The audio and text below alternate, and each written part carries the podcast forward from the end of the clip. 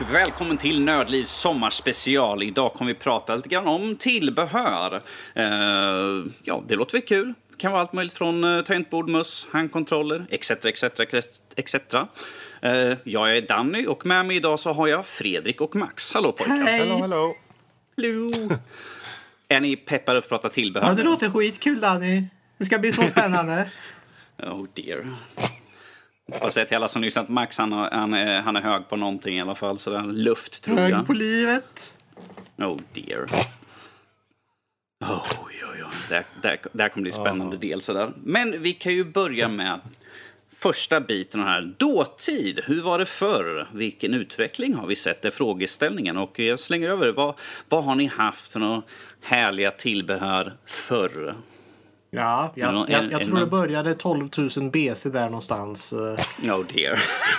En sån här stenjoystick som hade... Ugg, mi slå! Slå på en vägg bara med en stenbumling. Ja, när vi tänker eh, äldre tillbehör då tänker vi ju förmodligen till en PC primärt. Men jag vet inte om det räknas riktigt med eh, tillbehör som gamepads till gamla Nintendo och sånt. För det är ju Själv- tillbehör i sitt Ja. nästan. Ja... jag tänkte möjligtvis Alla typer hade... av... Jag tror allting det här rör sig om alla speltillbehör. Så då kan det ju vara vad som helst. Handkontroller, allt möjligt liksom. Möss, tangentbord. För jag tänkte, jag var ju som sagt för första konsolen som man tänker Nintendo NES. Jag vet att jag provade sån här, det är sån här pistol som man skjuter på, typ såhär Duck Hunt. Men jag Mm. just ägde aldrig en sån och jag ägde aldrig en Power Glove heller som var tur. Utan det var nog mest, mest standard där. Om man ska gå tillbaka så långt så tror jag väl, nu ska vi se, jag tror det var en gammal Amiga jag hade fått av någon kusin eller sådär. Där hade man en så här, en, en joystick då med eh, Var det en takt 2? inte den blekaste. Det var så länge som sagt att se en bild på den som möjligtvis skulle jag komma ihåg. Men jag visste inte vad den hette då. Eh, Men det var en sån här lite standard så här, en, en, en rund en, eh, joystick då med så här, en, en svart spak som upp och sen två röda knappar Mm. till. Så att den, den, den kommer jag ihåg att, eh, att, jag, att jag hade till den istället för att bara spela på tangentbord. Då, utan den använde man för att spela spel med. Mm.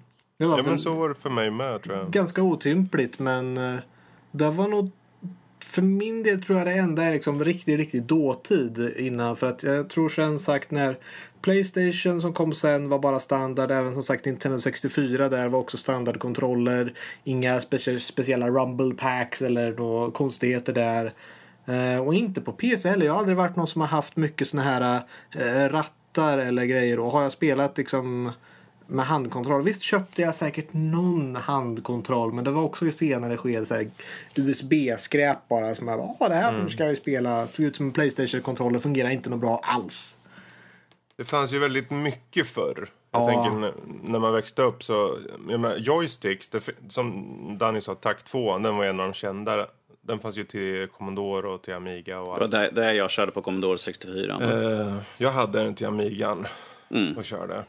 Eh, Stabil sak sådär, en klassisk. Men det fanns ju det fanns ju mängder av olika. Det fanns någon upp och ner, men jag kommer inte ihåg vad den hette. Den var svart, tror jag, som en liten skalbagge eller någonting. Var, man höll den, den låg i ens hand och det var knappar på undersidan och en liten, liten spak på ovansidan.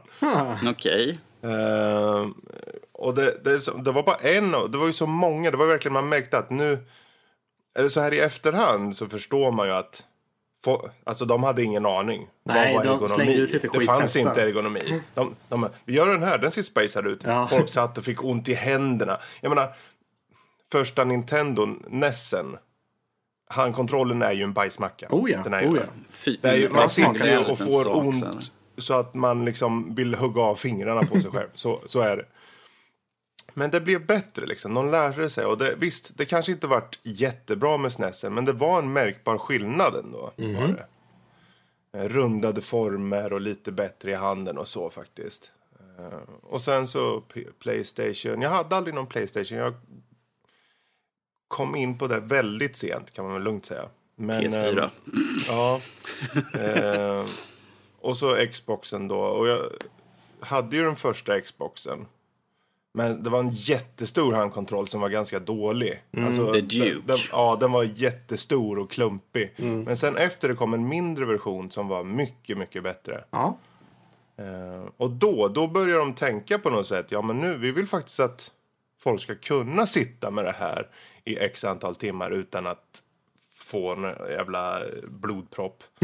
så, då, så då börjar de tänka på det och det märks sen för när en börjar, då börjar de andra liksom. Ja men det blir lite konkurrens som man säger för det var ju mycket, jag kommer ihåg när när Xbox första kom och med de här riktigt mm. stora kontrollerna. Jag som var van och spelade mycket Playstation 2 då. Mm. Eh, märkte ju jättestor skillnad och då började lite där. Ja men jag tycker bättre om den här kontrollen. Jag tycker bättre om den här kontrollen.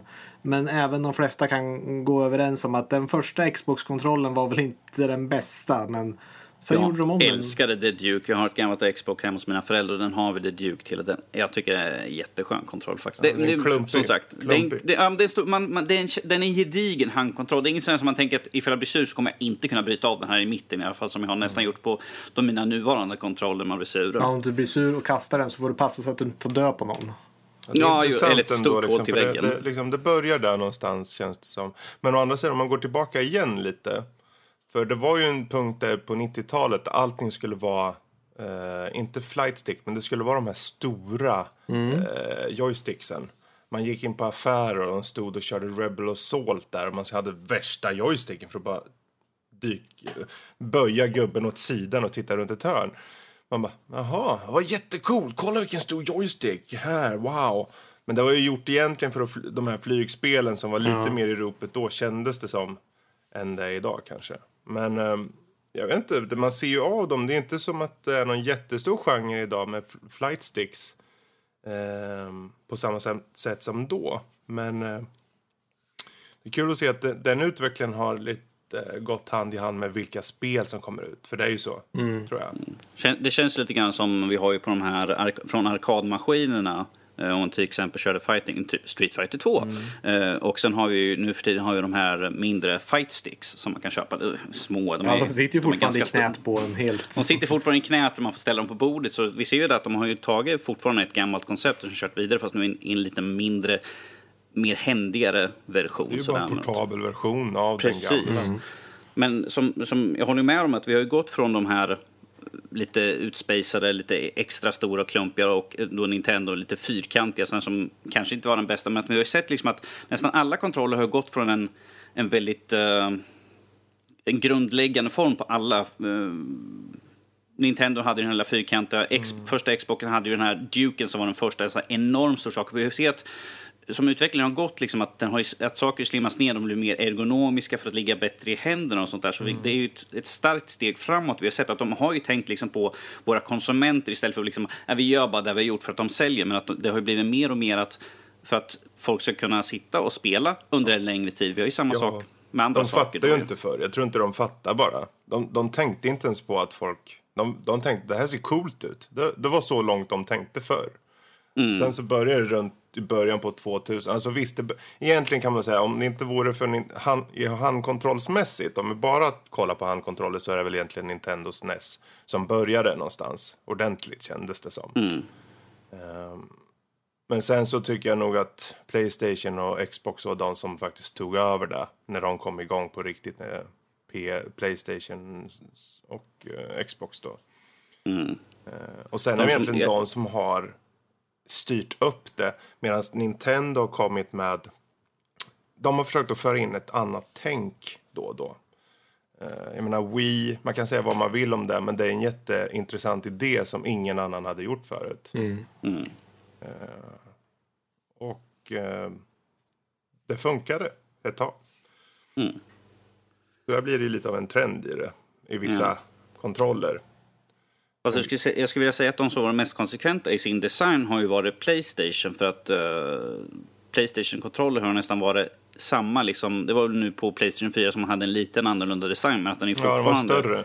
Den var, precis. Uh, Medan uh, Playstation 1 Playstation 2 var nästan exakt samma kontroller där ju. Mm. Trean där också. Och sen hade vi nu fyran som var lite annorlunda ju sådär. Uh, Medan Xbox gick från en jätteklump till den klassiken som vi ser just nu på Xbox 360-kontrollen, vilket man också ser på väldigt många andra, mm. till exempel på sådana här PC-knockoffs och sånt där. Ja, och det är ju lite, jag tror båda de sidorna har fördelar och nackdelar. För på Xbox kom det, de hade ganska många olika versioner i början. Och det kom många eh, tredjepartstillverkare som skulle slänga in sin version också och det var oftast skit. Alltså. Medan Playstation körde på samma form egentligen på de första tre iterationerna. På gott och ont. För jag tycker personligen att den, jag körde den lite på Playstation 3 ändå. Och den var väl inte riktigt, den var lite för liten för mig märkte jag.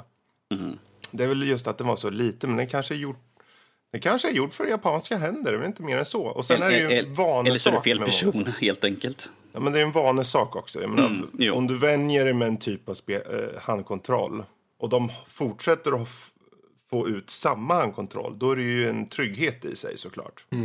Och en styrka framför allt. Medan om du har en annan som Xbox kanske laborerar tills de hittar sin form. Som jag tycker personligen Xbox 360 kontroll är den bättre av alla deras än så länge. Bättre än Xbox One till och med.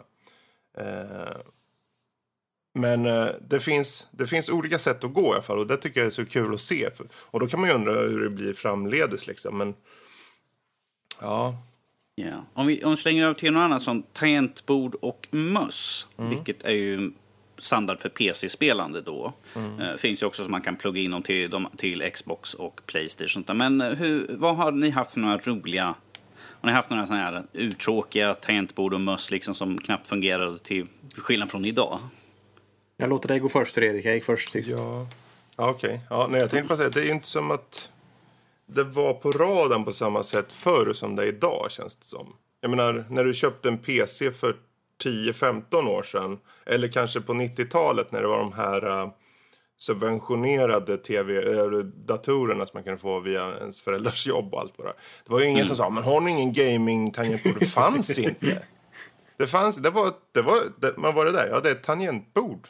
Vad- Men nu har, det ju, nu har det ju gått till att de vill föra in massa extra funktioner och det kom väl lite, jag skulle tippa på att det kom som, det kom igång nu under 2000, alltså 10-tal, kanske i mitten av eh, 00-talet då på riktigt.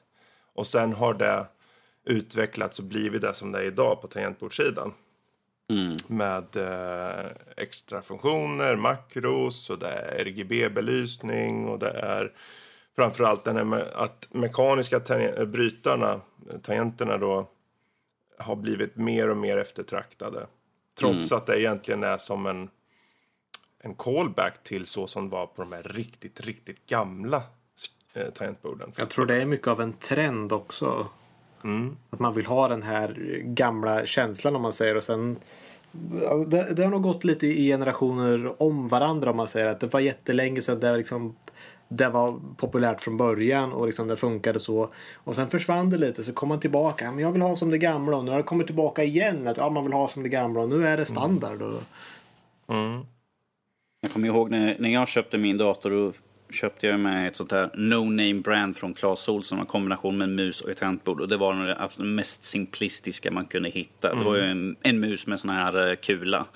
eh, som man var, en gång i kvarten fick plocka ur kulan och, liksom, och göra rent och sen stoppa in den igen. Och tangentbordet var, det var, inget, det var inget specifikt. Det var liksom svart, platt. fanns ingenting extra överhuvudtaget. Sådär. Och där körde man ju på. För det var ju liksom bara, fanns ju inget annat direkt eh, som var inriktat för gaming eller något sånt där. Nej, man tänkte inte riktigt på det heller kanske. Nej, det var ju liksom, Ehm. det funkade. Det var liksom allt som var, det gjorde, det var liksom, ja okej, då, då är det bra. Ja, för den här utvecklingen på tangentbord i alla fall, den tycker jag är som sagt har kommit nu på senare år. Men möss däremot, där känns det som det faktiskt har skett en utveckling egentligen hela tiden. Vi hade i början mer fyrkantiga möss. Jag menar redan tillbaka på Amigan fanns det fyr. Det, det, Amiga 500s mus var känd för att den var väldigt skön att ha och väldigt skönt klick i. Få knappar och sen eh, Mackens var känd för hur den var byggd. Och, och alla såg på varandra hela tiden och tänkte hmm, okej det där tar vi därifrån. Så att de hela tiden så vart det lite förändring. Och sen så kom optisk mus med läs, alltså en, en laser eller en, en IR-läsare eller någonting efter den här kulan som var i många år. Men även medan kulan var den vanliga delen i en mus så fanns det ju ändå variationer på mössen. Det fanns ergonomiska möss, det fanns eh, rollermouser och det fanns sån här tracking ja, balls. precis, allting. trackball tänkte jag på. För det vet jag att jag var hemma hos någon som hade. Fattade mig inte ett dugg på. Det var när jag var mindre då. Så försökte använda. Jag skulle försöka eh, Även på den tiden när man var mindre, när man kom över till någon dator så var ah, vad har du för spel på? Så bara, Va? Det här är ju en eh, dator som eh, familjen har köpt in för att arbeta med. Det är en arbetsdator, det är ingen speldator. Fanns ju knappt då, men det fanns något spel. Det fanns typ såhär Breakout Clone. Och kommer ihåg att jag skulle prova att spela det med en så här trackball. Det gick ju inte. Det var, jag undrade, vad fan är det här? Nej, det var ju inget kul alls. Men kan det ha gått lite, det går lite i takt med vilken typ av eh, tillbehör vi använder eh, så ser man det lite reflekterat i den typen av spel som finns också. För jag tänker tillbaka på typ, jag kommer ihåg jag åkte till farsans jobb, han jobbade på ICA för och då åkte, satt jag på hans kontor och medan han sprang ut på lagret, dirigerade lite gubbar och skit. Då satt jag och spelade Winter Games på hans gamla PC. Och så skulle man klicka i, i takt vänster-höger på tangentbordet till exempel. För att den skulle eh, skida sig framåt då. Och då bara... Och då var det liksom, okej, hmm, det där var ju intressant. Så sen så testade jag det på musen. För det gick också att göra, här för mig. Och klicka och klicka. Och då hade han en special sån här klassisk IBM-mus som är lite kurvad längst ner, lite rundad. Så att den böjer sig lite längst ner. Vit. En sån här klassisk jävel. Eh, och då fick man lite, ja just det, han har en annan mus. Finns det andra möss? Hmm. Och det var ju fan, det här måste ju vara början på 90-talet någon gång. Nu vet jag inte vad jag vill komma med det här. Jag vet inte vad vi är inne på. Men... Reminissa lite. men, men det är, det är liksom att de, de var ju rätt basic. Jag menar min förra mus det var liksom två knappar. That's Mm. it. Inga annat. Jag hade inte ens, jag tror inte, jag hade inte ens någon scrollhjul på den. Det var liksom två knappar. That's it. Det var Mm. det jag körde på.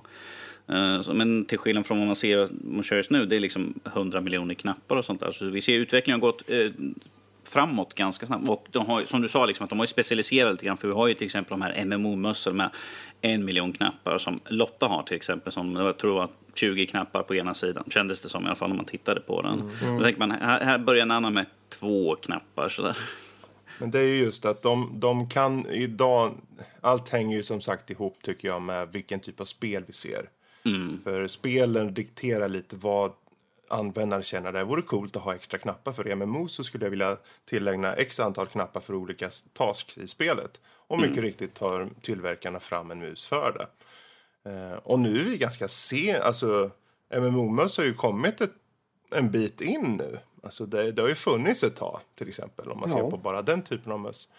Eh, så de som är idag är ändå väldigt ergonomiska, du når alla knappar snabbt. Men den första generationen var liksom, okej det är sju miljoner knappar och jag får ont i tummen hur fort jag ska nå alla de där, för jag når inte alla till och med. Så till och med där ser man en utveckling liksom. Vi, vi har ju någon, eh, en, en mus som eh, recension på som man kan byta ut ju skalet på den för att anpassa ifall ifall du är höger eller vänsterhänt och man, eller och kan byta ut knappar.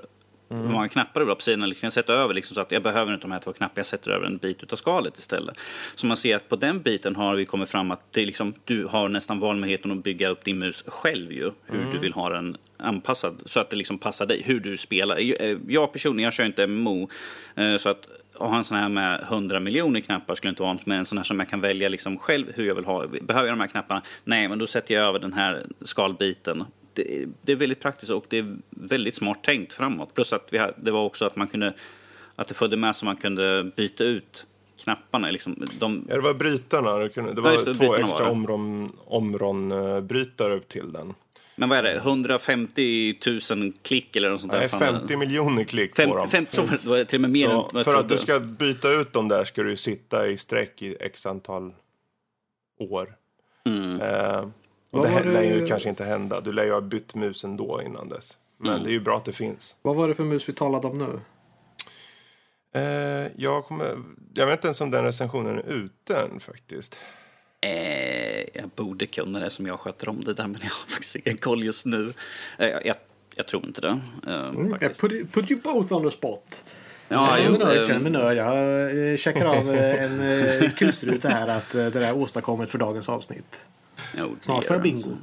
Mm. Snart får Och- du bingo. Men som sagt, om vi tar lite kort på tangentbord innan vi går över till nästa punkt. Så att tangentborden har ju gått mer från att vi har ju eh, makroknappar, vi har ju mer extra tillbehör på själva tangentbordet. Vi har ju som sagt upplysning, vi har alla sådana roliga extra lullull som jag kallar det. Så nu kommer Fredrik bara säga så här, ja, jag minns när du hade ditt förra så att jag ska aldrig byta och så nu har jag ett helt, helt nytt här nu. Jag säger det i förebyggande så inte han kommer att slänga upp. Men, men att vi har ju väldigt mycket som är mer bling än vad, än vad det är liksom praktiskt. Sådär. Jag, jag, jag har nu ett upplyst eh, tangentbord. Så mm. förut satt jag med utan ljus och sånt där. Det var lite svårt, man satt det här, på Det här återgår ju tillbaka till användaren. För det du mm. säger bling är ju viktigt för någon.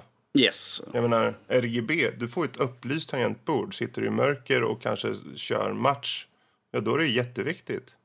Eller kör du makros, är det klart att det är jätteviktigt att ha det då.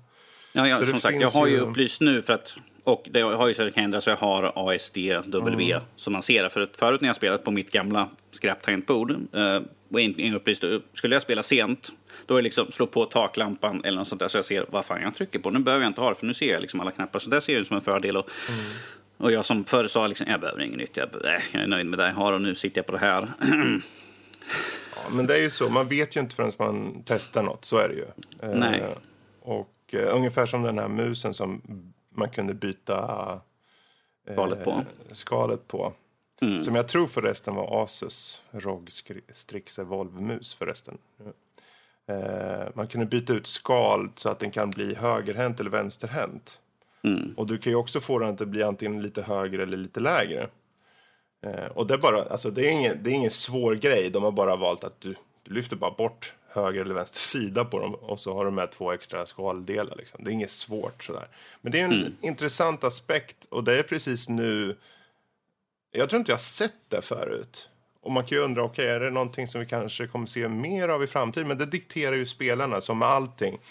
Mm. Menar, all, allt det här med RGB, allting med att kunna ha funktionsknappar eller göra makros eller vad det må vara. Det är ju användarna som har sett till att det har blivit mer standard idag. Skulle det inte ha sålt bra för fem år sedan, då skulle vi inte se den utvecklingen. Så jag tycker mm. det är jättekul. Det, det började egentligen, tror jag, på tangentbordssidan med att man ville stänga av den här jävla Windows-tangenten. Mm. Jag vet inte hur många gånger man sitter i spel och så plupp, jävlen kommer åt den där så hoppar han ur spelet och så kraschar spelet. Ja, enkel. Här, FN och sen trycker du in Windows-tangenten så får du den avstängd om du inte vill ha den. Mm. Typ. Och sen så ökar de och lägger till lite så här, starta musik eller stänga av musik och höj och sänk volym eller ja, och sen så mm. fortsatte det med extra mer eh, funktioner allt eftersom intresset väcktes liksom. Ja. Jag, jag, jag tänker att som vi ändå är inne och, och sniffar lite grann på så tar vi den andra biten, nutid. Hur är våra preferenser och vad känner vi ett måste, om det ens finns så? Som vi är inne på med de nyare tangentborden och sånt där. Och har ni några sådana preferenser, liksom att jag måste ha en mus med så här många knappar eller jag måste ha ett tangentbord som har den här funktionen? Mm. Vikt och form säger jag, för mig. Mm. Eh, jag kan nog ha ganska varierat med knappar, men jag brukar alltid använda minst en sidoknapp. Det kan jag väl säga förstås. Mm, ja, men det kan vara bra att ha. Det känner jag i spel också. Ja. En sidoknapp för tummen åtminstone. Ja. Jag behöver inte däremot DPI-switch eller något. Jag, jag, jag, kan ställa in på en DPI-nivå och sen köra med det liksom. Uh, scrolldjur däremot vill jag nog gärna ha, för jag använder det så mycket i i, eh, inte i spelsammanhang, men jag använder det när jag skriver eller gör allt annat på datorn så använder jag mm. det. Ja, men det är ju saker mm. som att bara liksom på en webbläsare klicka på scrollhjulet för att öppna en ny flik eller eh, mm. liknande sådana här småsaker. Så det tycker jag att eh, eh, om man ska komma någon form av standard så åtminstone två musknappar, ett scrollhjul och eh, en till två tumknappar tycker jag mm. är ett minimum mm. i alla fall. Jag menar jag har ju Förvisso. provat uh, det här Naga med typ 30 000 MMO-knappar. Ja. Men det var, jag fastnade inte för det. Jag har provat Nej. i alla fall. Jag skulle nog säga förresten nu, det är vikt och, och, form och så en bra programvara såklart i botten. Så att du faktiskt kan ställa in, ja men jag vill att den här sidoknappen ska göra den här funktionen. Mm. Eh, sen om den programvaran är enkel eller liten och bara gör den specifika saken, det kvittar liksom. Men det, det, det kan jag känna är viktigt för min del då. Eh, för, det, för, för det, vad gäller spelande på datorn så är det ju mus tangentbord som gäller för min del. Och då, då vill man ju att det ska vara så bekvämt som möjligt såklart. Mm, ja.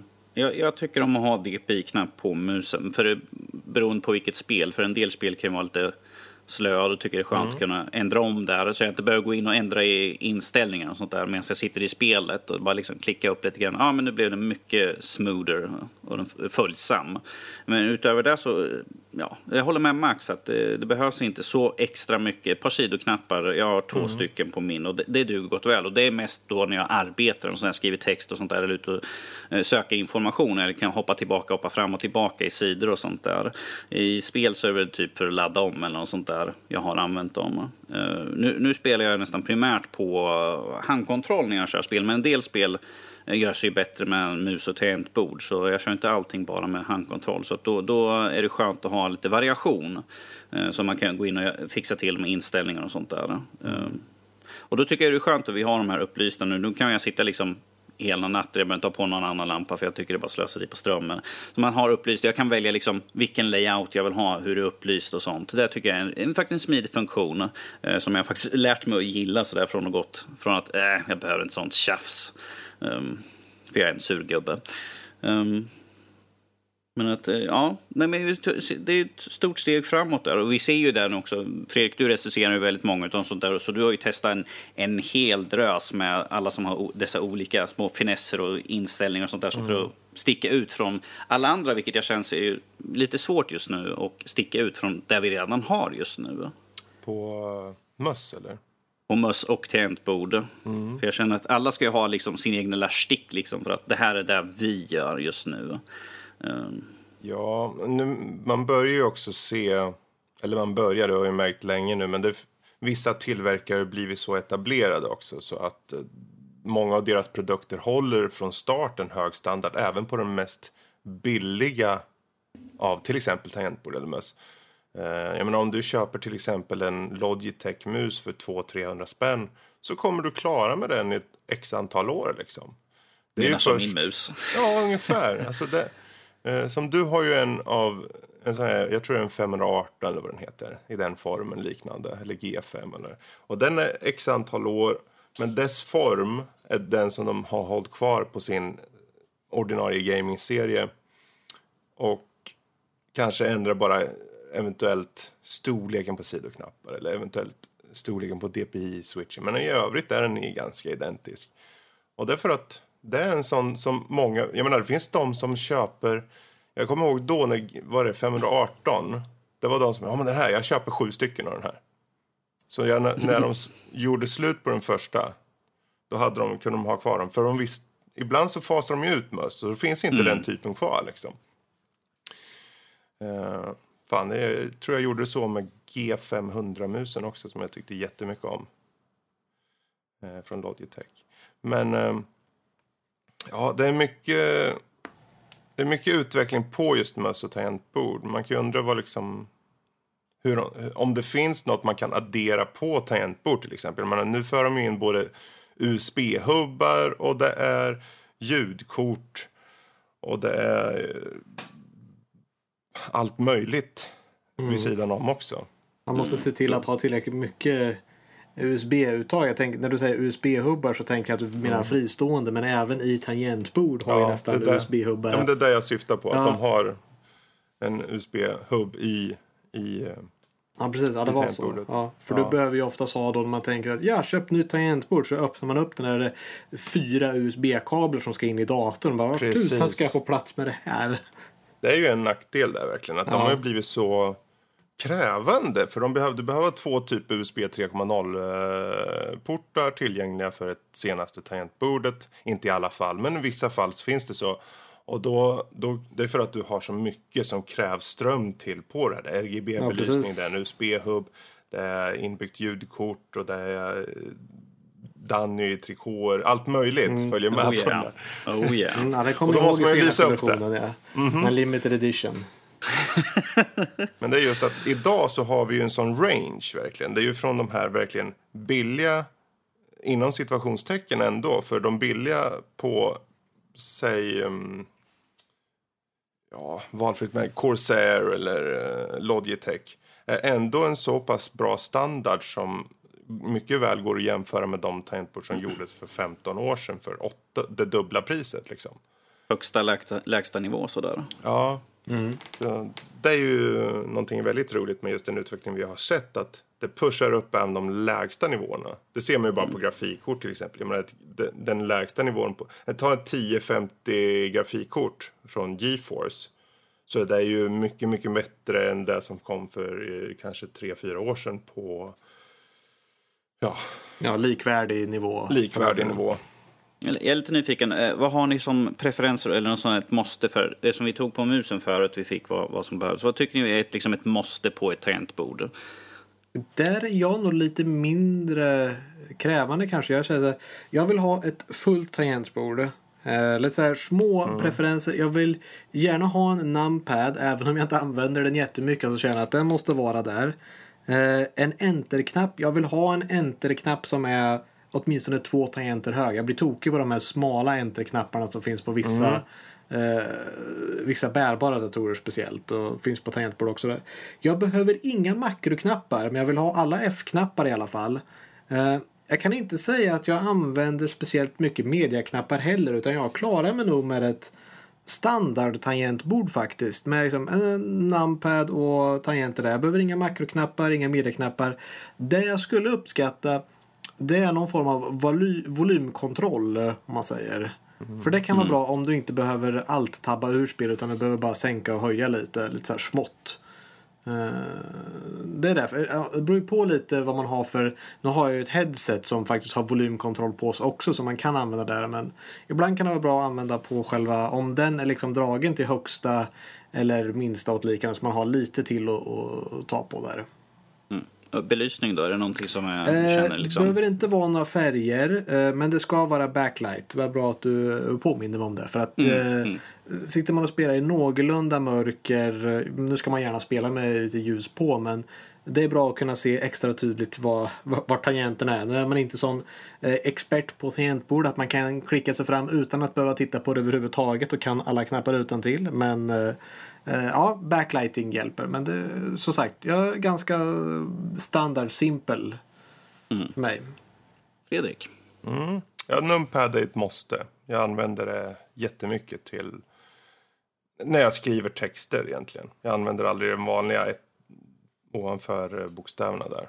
Jag, jag märkte också att jag, jag har slutat använda liksom de vanliga 1 till, till 0 som är ovanför. Det är mer numpad. Det är mer smidigt som man sitter och skriver så liksom bort med högerhanden och klickar in sådär. Jag vet inte vad, var, förut var det liksom alltid där ovanför men nu har det liksom blivit med åren så det blivit att man har gått mer till numpaden. Ja, ja, jag hade ju via jobbet, jag körde ju miniräknaren därigenom så jag använde ju direkt på numpaden också. För då kunde jag komma åt plus och minus allt det där också samtidigt.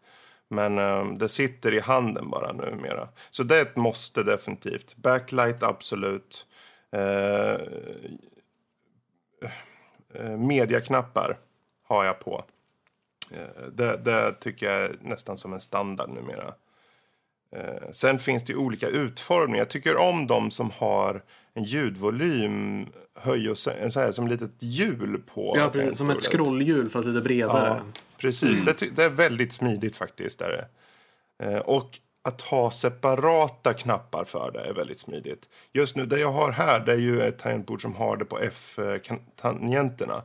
Eh, och det funkar, men då måste du ändå trycka ner F, eh, FN-knappen och sen trockla till med någon där. Mm, trycka ett par gånger där, men med det här hjulet så är det bara, du vet på ett ungefär att ja, men jag drar så här många steg bara så har Precis. du direkt där istället för att bara Ja, trycka eller helt enkelt gånger. dedikerade knappar för det till, på sidan om. Liksom. Jag tycker det är väldigt smidigt. Uh, makro använder jag aldrig. Jag har aldrig använt det egentligen, så det kan jag inte säga något om. Ehm, men det är programvaran, än en gång. Jag vill ju ha ett tangentbord som jag verkligen kan sätta...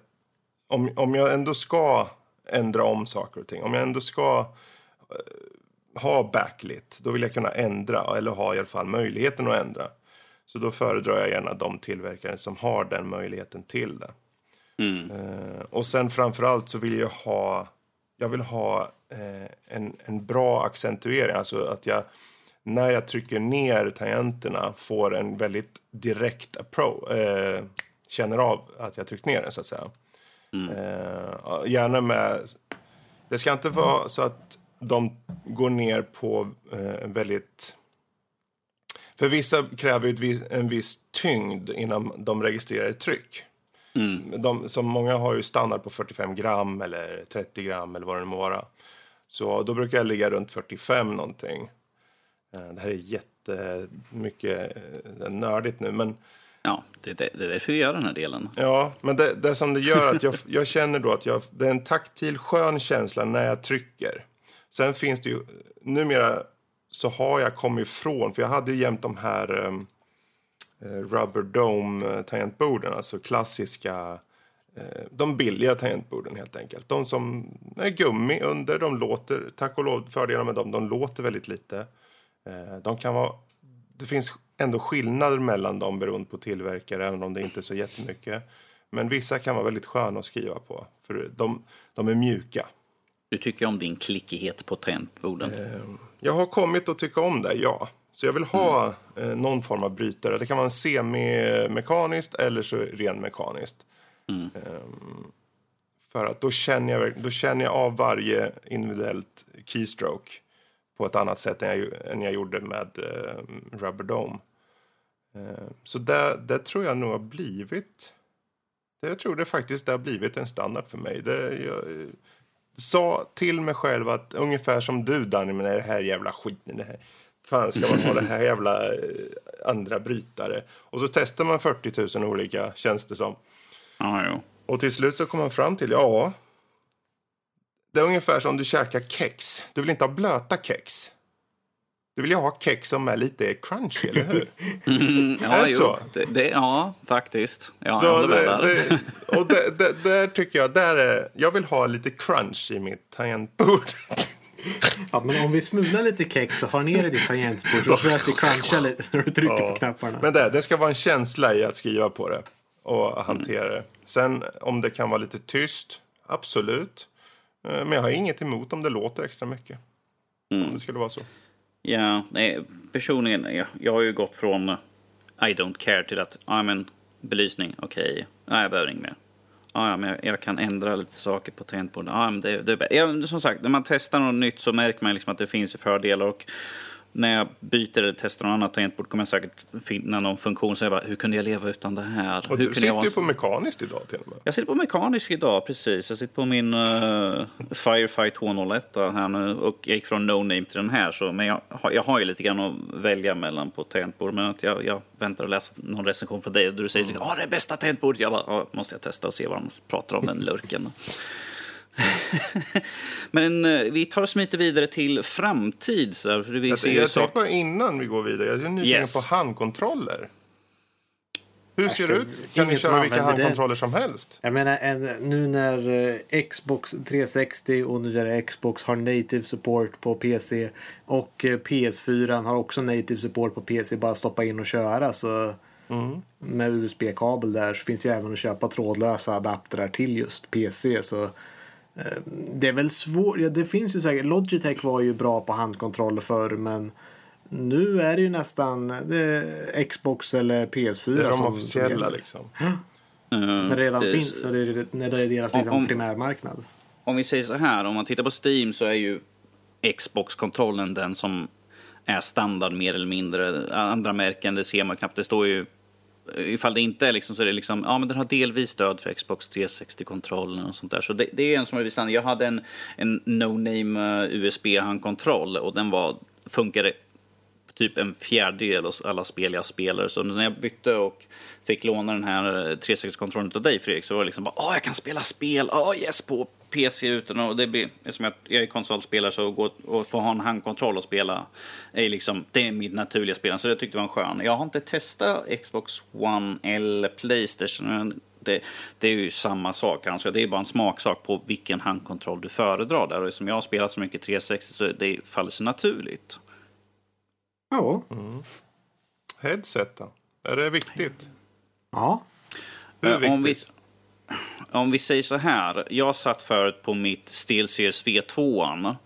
Och jag satt, jag satt med den under så många år att eh, det här skumgummit runt, alltså ringen runt uh, högtalarna hade liksom försvunnit, hade liksom tryckts ner så mina öron låg direkt emot drivelementen. Så jag hade ju ont på öronen varje gång vi spelade in podcast. Jag var nog att ta, jag hade liksom nästan som blåser på öronen. Så jag har märkt liksom att ett nyare headset är ju en liksom... eh, Kan vara bra. Det kan vara Lyx. bra att inte Och, nöta eh, ner ja. öronen.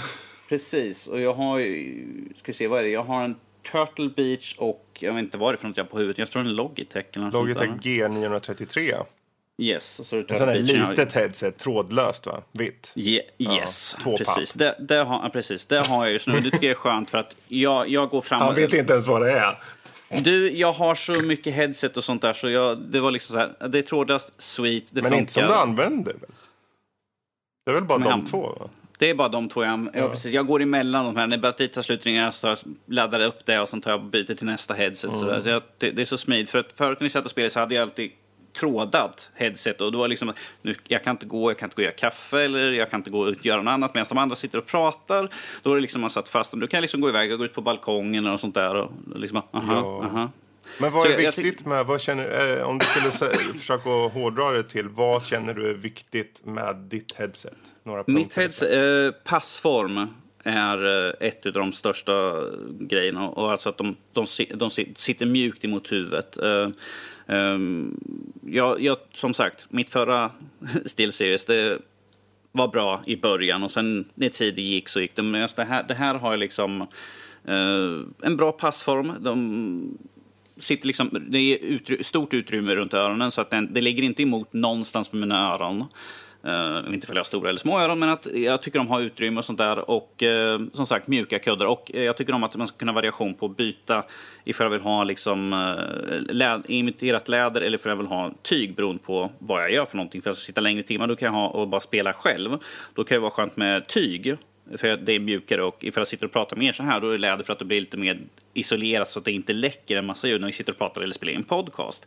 Det tycker jag är en stark fördel där. Och så en, en ram som inte med, med sån här metallram som man råkar komma åt och det klingar till och ringer i hela huvudet. Uh, usch.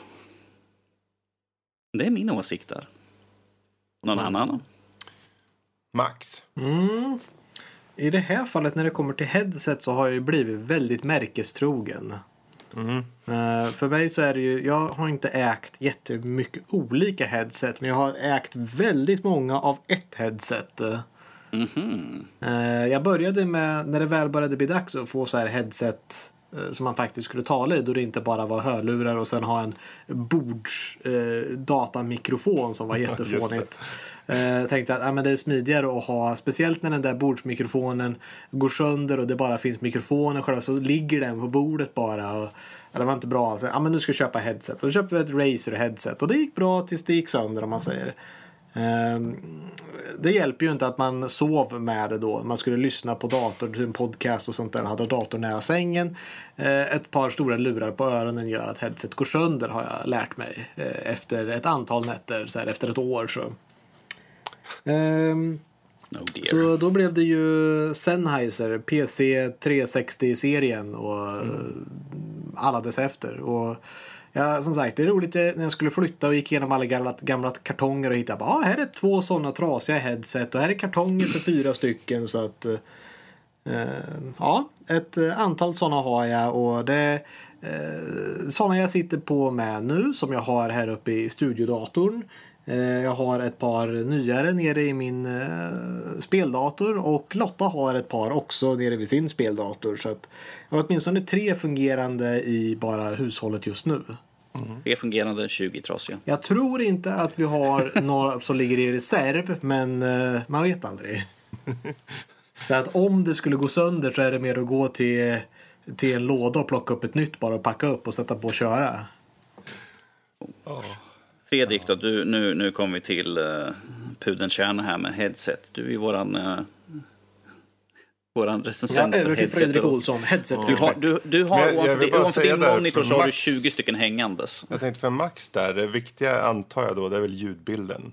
Alltså det är hur skönt de sitter på huvudet. Jag har verkligen hittat en som passar mig. Eh, ljudet tycker jag är utmärkt och det är väl att jag har vant mig vid hur det ljudet låter också.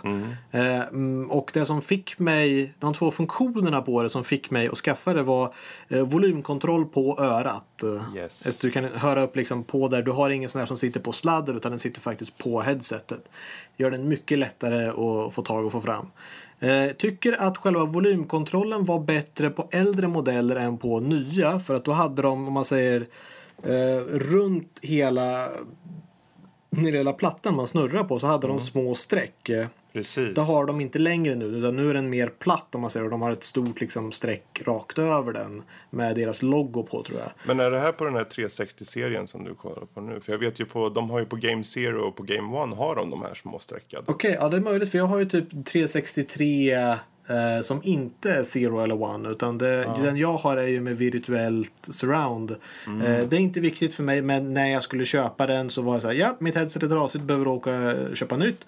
Och det är internet och nät. Eh, och de hade bara den modellen där så jag bara, ja men då tar vi den här. Och de hade inte det så att Eh, då, då var det så. Eh, men de, de som sagt, det, det är en liten grej. Men jag vet att det är liksom på olika modeller. Så, så att, eh, eh, och den andra funktionen är eh, att man mutar micken när man eh, lyfter upp armen om man Precis. säger, mikrofonarmen. Den grejen tycker jag är väldigt smidig också.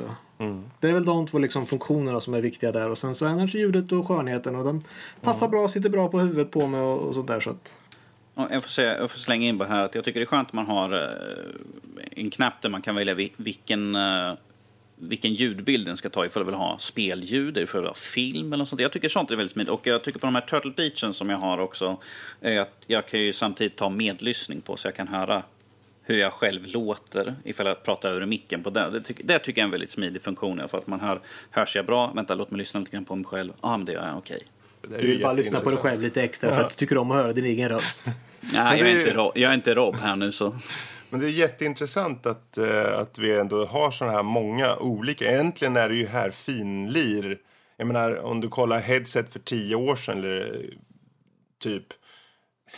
De här headseten vi har idag är ju väldigt nischade ändå. Och ändå har de kommit ganska lång väg ljudkvalitetsmässigt. Eh, för förr så var det verkligen. Alltså du, du bara, ja men jag hör ju i alla fall. Om, om, om, Fredrik, om vi säger så här, om, vi, om folk bara går tillbaka och lyssnar på del 1 till typ 50 eller något sånt där på vår podcast, så hör de mig i mina...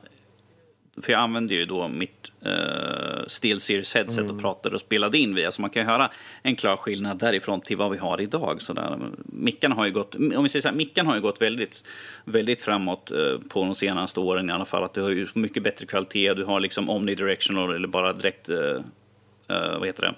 Riktad. Så att istället för så där har vi ju liksom att man har mal- större valmöjlighet liksom hur du vill ändra i- ifall man inte har råd att köpa en studiomick eller något sånt där. Så en del går ju faktiskt att använda i viss mån och spela in i så här. Jag skulle inte göra det nu för tiden. För, Nej, jag skulle nog rekommendera att inte göra det alls. men ifall man, Men, ifall eh, man inte har råd. Om man så- twitchar, om man håller på och streamar och sånt. Då, då, är, då är det absolut värt att faktiskt kolla på ett lite dyrare som har en bättre mick. Så du får lite mer umf i, i, i ljudet. Men, men här är en sak som jag, jag vet att du brukar ha, som jag har sagt förut, att liksom, när det gäller headset, åk alltid ut och testa dem. Det är en sak att, liksom, som Max kanske kör, liksom, ja, men jag har kört på den här serien så länge, de kommer sitta exakt, men det är lika bra att gå ut och pröva, för de kan ju faktiskt ändra om någonting i själva designen, så det är viktigt att pröva dem hela tiden så att de faktiskt passar. Ifall man har så här jättestort huvud som Fredrik så kan ju kanske inte alla passa så här, och man har så här litet huvud som mig. Så. Ja, fast i hans fall så, så behöver han nog inte det. För de, kör, Mm. de har samma formfaktor. Nej, jag, men, jag menar bara Men, ifall, eh, ifall det, det behöver inte vara där märker jag menar rent allmänt, för en del ändrar ju om liksom hur, hur de har design på. Så Mm. Ja, ja. viktigt Har att man testa möjlighet så, så varför inte? Absolut. Det är, det är vi ganska ofta åker ut och testar liksom, vad är de här? Ehm, Men Jag för min del då. Ja, Mm. gå, gå du först. då. Ja, nej, jag skulle bara gå... Jag tänkte för min, det är ju såklart viktigt med ljudkvaliteten då. Och sen är ju formen då. Eh, Men Mm. jag har kommit på mig själv med att bli allt mer van vid det trådlösa headsetet. Eh, I det här fallet så är det en Astro A50 eh, som har, den har nackdelar den har fördelar. Men den trådlösa tillsammans med att du kan byta ut hörkuddarna eh, till att vara antingen isolerade eller de här öppna tråd, eh, tygbaserade som jag har på nu gör att du verkligen, de är jättebekväma och så. Eh, även om jag kanske inte har dem, de ljudmässigt så är de okej. Eh, Sennheiser, om vi går tillbaka till dem, som jag har en Game Zero tror jag den heter. Eh, och den har ju ett jättebra ljud måste jag säga. Och den lyssnar jag gärna på också, för den är ljudisolerad dessutom. Jag tycker om- när det är ljudisolerat, man liksom mosas in i musiken lite sådär. Men um, mickmässigt vet jag inte. Jag vill, det ska vara klart, det ska vara tydligt. Ehm, jag vet inte vilka... Förhoppningsvis, in, förhoppningsvis inte läcka, Ja, man, som vi haft några stycken. Det, fin- det, är ju liksom, det är ju inga studiomickar på någon någonsin. Det kommer inte komma för det kommer bli för stor kostnad för dem. Men de kan göra så bra som möjligt. De kan få omnidirectional. Det är väldigt få som har så att det tar upp hela rummet. Då får en bättre rumskänsla. Men ehm, ja, komfortmässigt. Det ska ligga väldigt, det ska ligga bestämt mot huvudet men mjukt liksom. Så. Det är nog mina preferenser. Ja. Och, vi, och vi har ju också märkt nu när vi har testat runt lite grann att priset bestämmer ju inte liksom hur bra en sak är egentligen. Ehm, nej, det gör det inte. Även om det rent generellt så är det ju lite dyrare, lite bättre. Men det är en sweet spot på, på headset runt 800-900 spänn faktiskt som du kan hitta eh, från Qpad eller eh, HyperX från Kingston som är väldigt bra för den summan både komfortmässigt och eh, kvalitetsmässigt i ljudet faktiskt.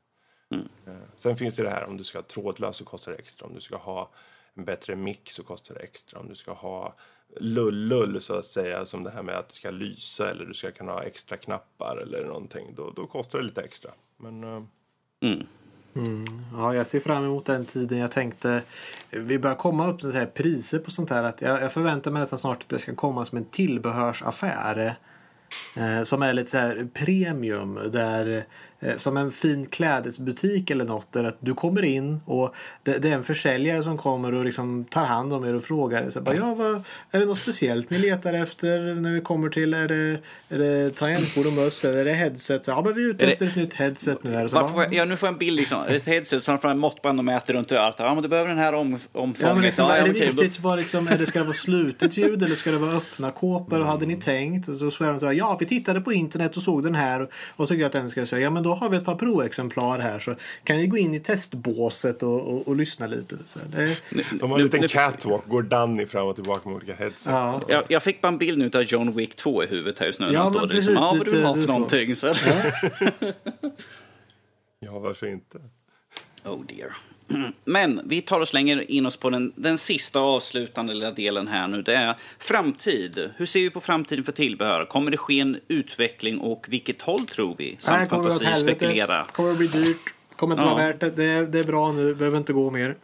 Hur, se, hur ser vi på tillbehören? Liksom, om, vi, om vi tar till exempel möss som en, en standard här. nu. Hur, hur ser vi på utvecklingen? För vi ser ju som det här som man kunde byta ut liksom nästan hela musen beroende på vad man vill ha. Kommer vi se mer åt det hållet? Att det är mer, du kan, du kan liksom göra mössen bäst du vill Ja, modulära själv. möss kommer nog komma mer av men de kommer ligga i en prisklass över vanliga liksom, standardmöss som kommer komplett. Tror jag. Ja. Det, ju, det hänger ju lite på hur vanligt det blir. För ju vanligare desto, det blir, desto lägre kan priserna kanske tryckas ner för en modulär mus, antar jag. Men... ehm, ja, framtidsmässigt mäss- mässigt för möss. Jag tror, alltså, möss, mössen, än så länge, peppa peppa, kommer aldrig försvinna, tror jag. För att datorer och, och tangentbord och möss är en sån det är en sån viktig del. Det är om vi skulle liksom en vacker dag säga, nu, nu styr vi allt i VR med händerna. Eller augmented reality, du gör ingenting med någonting. Du bara tittar på något och sen pekar du med hela handen bara, eller med fingret eller något. Ja, det är viktigt att peka med hela handen så att datorn vet vad du vill. det gäller att vara bestämd. Ja. De är inte så smarta ibland de där datorerna. Men jag tror det måste, det måste ske någon väldigt, en väldigt stor förändring. En väldigt stor skillnad.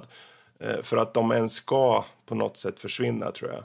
För, för vi har ju sett liksom att man kan ju sätta in vikter och allt sånt där. Du kan modulera den och vi har ljus och allt sånt där. Så det, det är ju väldigt mycket som vi redan har. Då är ju frågan liksom bara, vad, vad kan vi få härnäst? Det är liksom knappar. Ja, det finns ju knappar man kan välja han, eh, möss med liksom en miljon Ja, knappar. man Det är kan liksom påverka. Visst, det här med modulära, med att man byter skalet. Nu var den ju ute efter den grundformen som låg under. Det var ju liksom bara en pl- två plattor som du bara böt ovansidan. Men jag tänker om du faktiskt... Jag undrar om inte de här... Uh, vad heter de här Mad Cats som man kanske har försökt där å andra sidan. Men jag tänker om du faktiskt på något sätt kan... Ja, men jag vill få min mus att bli längre. Jag vill ha den bättre höjd och inte bara byta någonting utan faktiskt med musen kunna ändra. Men så fanns det inte det ett par möss. Det såg ut som någon jäkla cyborg som du kunde skruva i om man säger så att Ja, det liksom skruvas så att den blev längre. Det såg ut sånt. som någon, någon riktigt spacad grej där det hade Ja. mycket skruvar och vikter och grejer i. Men Jag bara, mm, kanske. Men eh, ja, det är så svårt och såklart att sia om saker när man inte vet vad det kan tänkas eh, komma för något. Jag menar. Vem, vem, vem kom på tanken att sätta in RGB-belysning i möss? Liksom? Det var, ja, och få det att bli så populärt. det. Ja, för förr liksom. Ska, varför ska musen lysa? Ja, då ser den cool ut. Men i, tyckte väl någon antar jag. Men eh, idag så ska det ju vara, jag tror att om vi, synkning av saker och ting. Jag tror vi kommer gå mot en framtid med eh, en uppsättning av tillbehörsprodukter som eh, redan idag kan ju de synkas. Det kan vara både stilmässigt men det kan också vara funktionsmässigt. Så att eh, säg att du har en mus tangentbord headset Eh, och du kanske packar ihop din lilla, säg att du har en gaming eh, laptop och eh, inställningarna sparas på, eh, säg en mus eller någonting. Men även om du har med, dig- har du med dig hela din uppsättning så är allting klart. Allting förinställt. Eh, oavsett vart du tar dem. Liksom.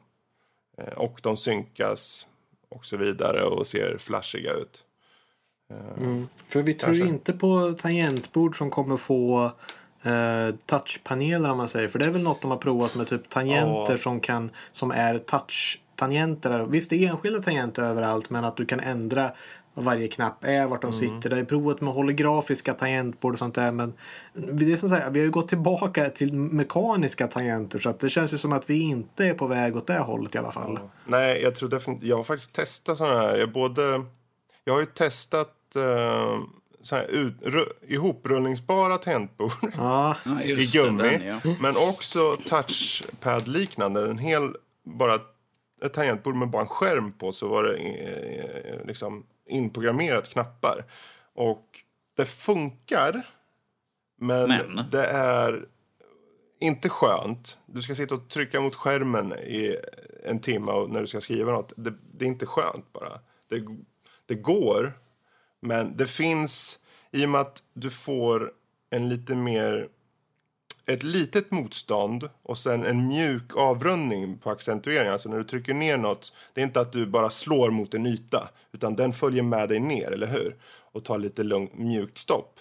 På det sättet så, så faktiskt räddar du fingertopparna lite. För om du skulle sitta och hamra mot en yta Ja. i tre timmar så är det inte särskilt skönt.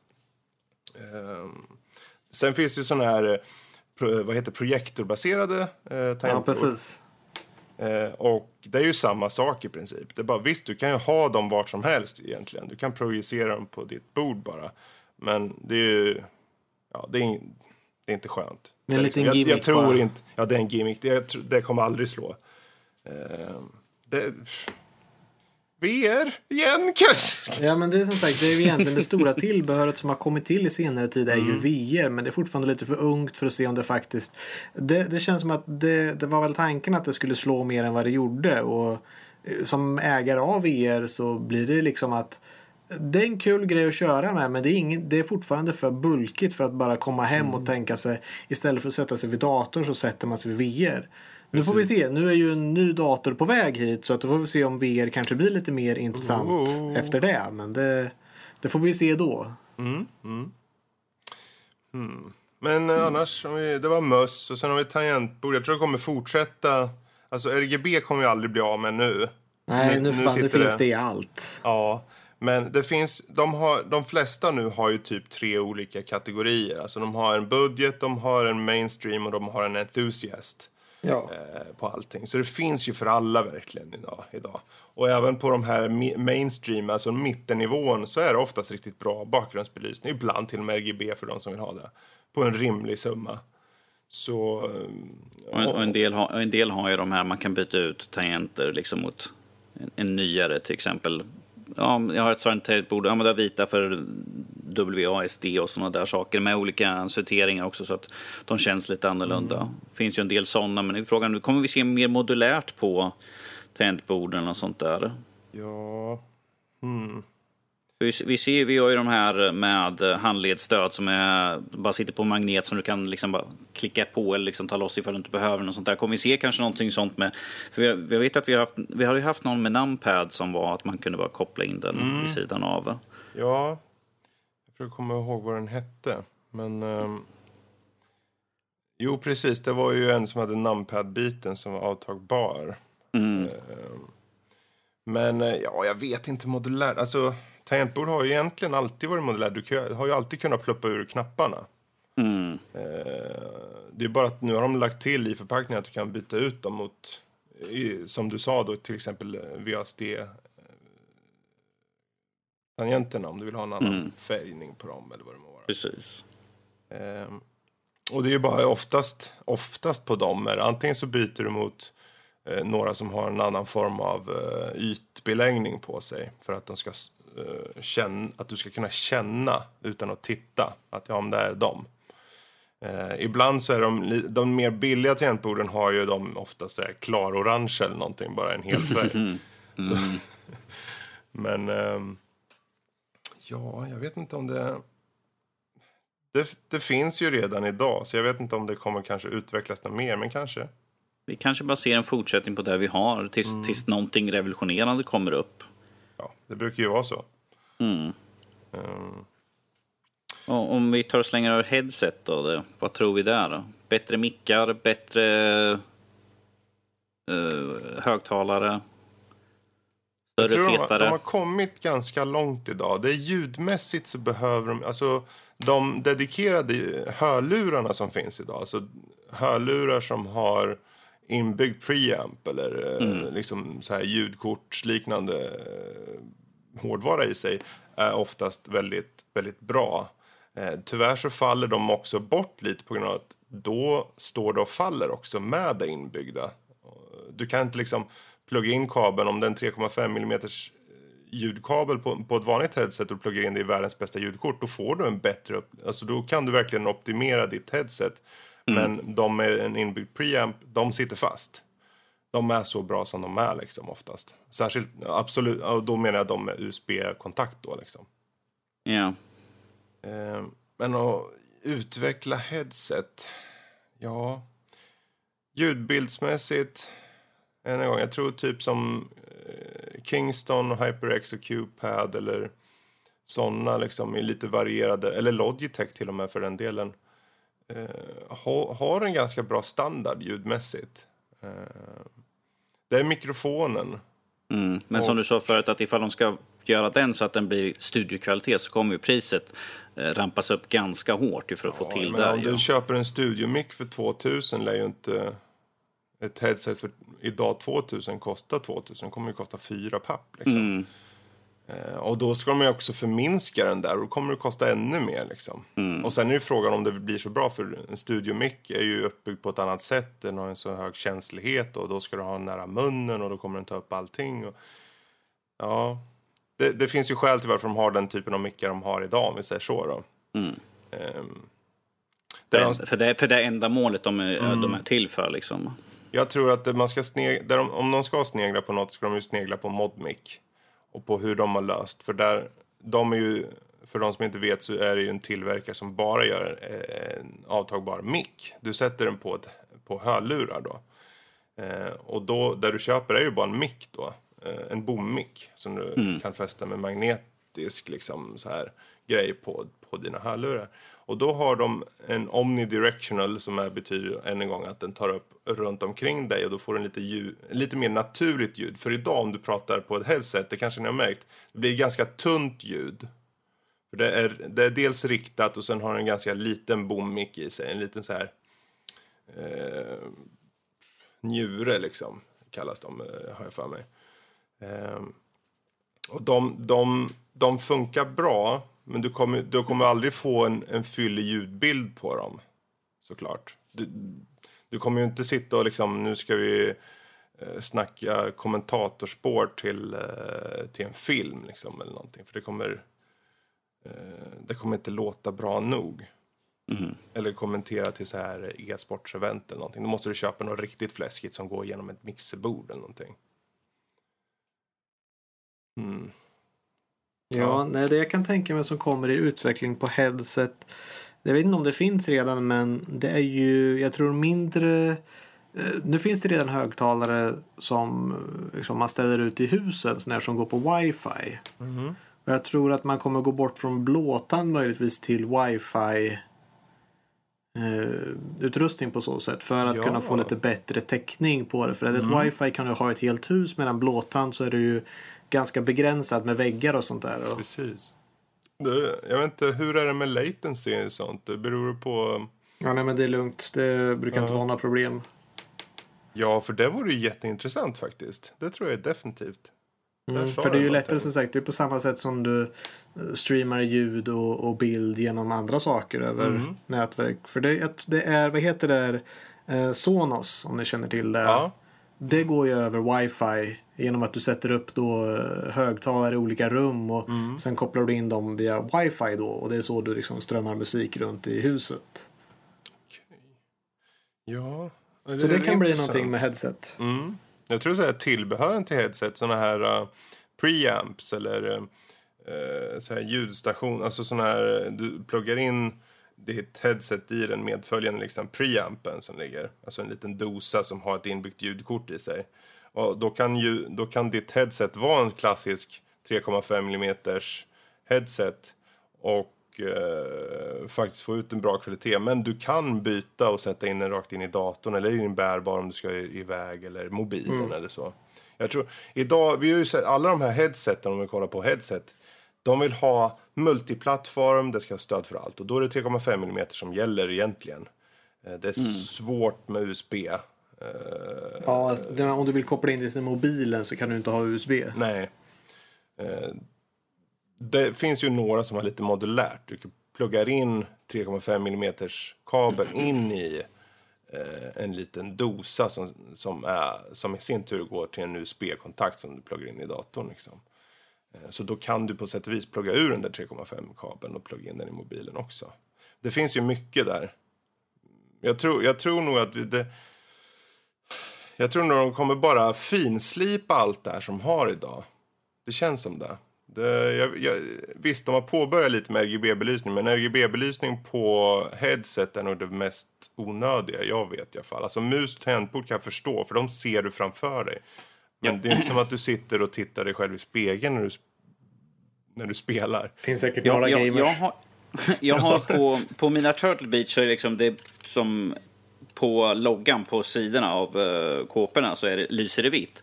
Vilket jag inte tänker på. Det är bara när jag sitter på min balkong på, sent på kvällen och tänker så här, varför lyser sidan av min balkong? Ja, just det, det, heads, det headset jag på men det är därför det lyser upp. Jag tänker mina grannar måste titta liksom, ifall någon kollar ut, liksom, varför sitter han och lyser från Där sidan av hans sitter huvud? Vad- ljushuvudet igen. Ja, precis. De bara, nu är han ute igen. Ja, okej. Tokjävel. Ja, just. Ja. Det, det enda jag märker av det är som på micken eh, till de här Logitech, liksom när man, när man fäller upp den för att det ska muta, då lyser den röd. Det, det är typ enda gången jag tänker på att den har ljus på sig. Ja. Annars är det liksom aldrig jag tänker på. När, när den är helt uppskjuten som den är just nu, jag ser ju inte att den, den lyser röd för fem öre. Så. Nu har vi förvisso snackat mest om möss, tangentbord och headset. Vi var inne på handkontroller lite också. Men det finns ju VR, det finns flight sticks. Det finns ju liksom, som vi är inne på, andra tillbehör av olika slag. Men jag tror det är de här tre sakerna som är kanske de mest vitala på speltillbehör idag. Om, om, om jag, bara tänk, jag tänker bara slänga till en där som jag anser eh, kan vara ganska viktig när man eh, ska sitta och spela. Det är en bra stol. Ja... Jo, det är. Men det är, kanske, det är ju inte så mycket tillbehör på det sättet. Det är ju det är en möbel. Men, Ja, jo. Det är, för mig är det tillbehör. Det är liksom ett gott tillbehör att kunna sitta i. ja, det är ju ganska nytt Mm. på sätt och vis. Det var bara det jag sagt. Jag vill inte att vi skulle gå in på diskussionen. Jag En bra stol är viktig för man ska sitta länge och spela. så det har jag märkt. absolut. Sitt, sitt bekvämt och någorlunda ergonomiskt. Och kan du få den kombon så är du ju nöjd. Yes. Men om vi, om vi säger så här som avslutande att vi, det ska ju bli intressant att se vart, vi, vart eh, industrin går här efterifrån där vi har just nu. Uh, och se vad som faktiskt nytt som kan komma ju. För att vi har ju RGB, vi har liksom mekaniska tangentbord tillbaka igen och allt sånt där. Eh, olika membran och eh, massa annat roligt sånt där. Det ska bli intressant att se vad industrin, vad, vad för nytt och häftigt som kommer här, härdan efter. Och mm. om ni vill följa industrin så kan ni på Nördliv se de senaste recensionerna av gamingtillbehör. vi har ju nu här under sommaren så har ju Fredrik en serie liksom med eh, tillbehör och bästa tangentbord, bästa och sådana där. Jag kommer inte ihåg exakt vad du har för någonting ja, det, kom, kommande skalle. Det är bara en liten här tips på en liten guide på de bästa gaming och så kan det vara tangentbord eller möss till exempel. Mm. Och då är det inom typ de, antingen kan det vara för den som sitter på kontor eller den med en liten budget eller den som har hur mycket pengar som helst och bara vill köpa det absolut fetaste som finns. Och så vidare. Så mm. ta en titt på hemsidan så finns det redan, jag tror det finns för tangentbord ute, jag kommer inte ihåg om det är någon mer som finns. Men om ni går in på guide längst upp så borde ni se dem. Yes. Men vi tar väl och knyter ihop påsen där på tillbehör här nu för den här sommaren. Mm. Vi kommer ju få mycket mer här framöver. Med, kommer ut recensioner hela tiden på tillbehör. Så se, har ni lite grann att se fram emot och se vad vi tycker om det. Men eh, då får vi helt enkelt tacka Max och Fredrik för att ni ville vara med den här gången. Tack och adjö! ja, Max, jag har, jag har pluggen kvar så du kan inte bara säga sådär. Tack och adjö! Okej, okay, gosh. Kan jag muta honom någonstans? Tack och ja. Det var inte jag, det var Fredrik. Det Nej, var inte jag. Okay. Vill ni ha mer av oss så kan ni hoppa in på vår hemsida www.nördliv.se och om ni vill höra mer av oss så finns vi på iTunes och andra ställen också såklart, men iTunes vanligtvis. Och eh, om ni tycker om vad ni hör så ta gärna, släng en liten gilla där och skriv gärna en rolig kommentar. Helst om hur fånig Max är just nu. Mm. Aldrig! Aldrig. och om ni vill nå oss så kan ni faktiskt skicka ett mejl till oss på info.nordlivpodcast.se eller så kan ni ta och skriva till oss på Twitter där våran är nordlivpodcast. Så skriv någonting, fråga någonting. Har ni några frågor, släng dem bara dit så tar vi svara på dem. Hör av er! Hör av er, för fan! Men med de orden så tar vi och avslutar den här sommarspecialen. Säg hej då nu pojkar. Tack och adjö! Tack och adjö igen! Toodaloo!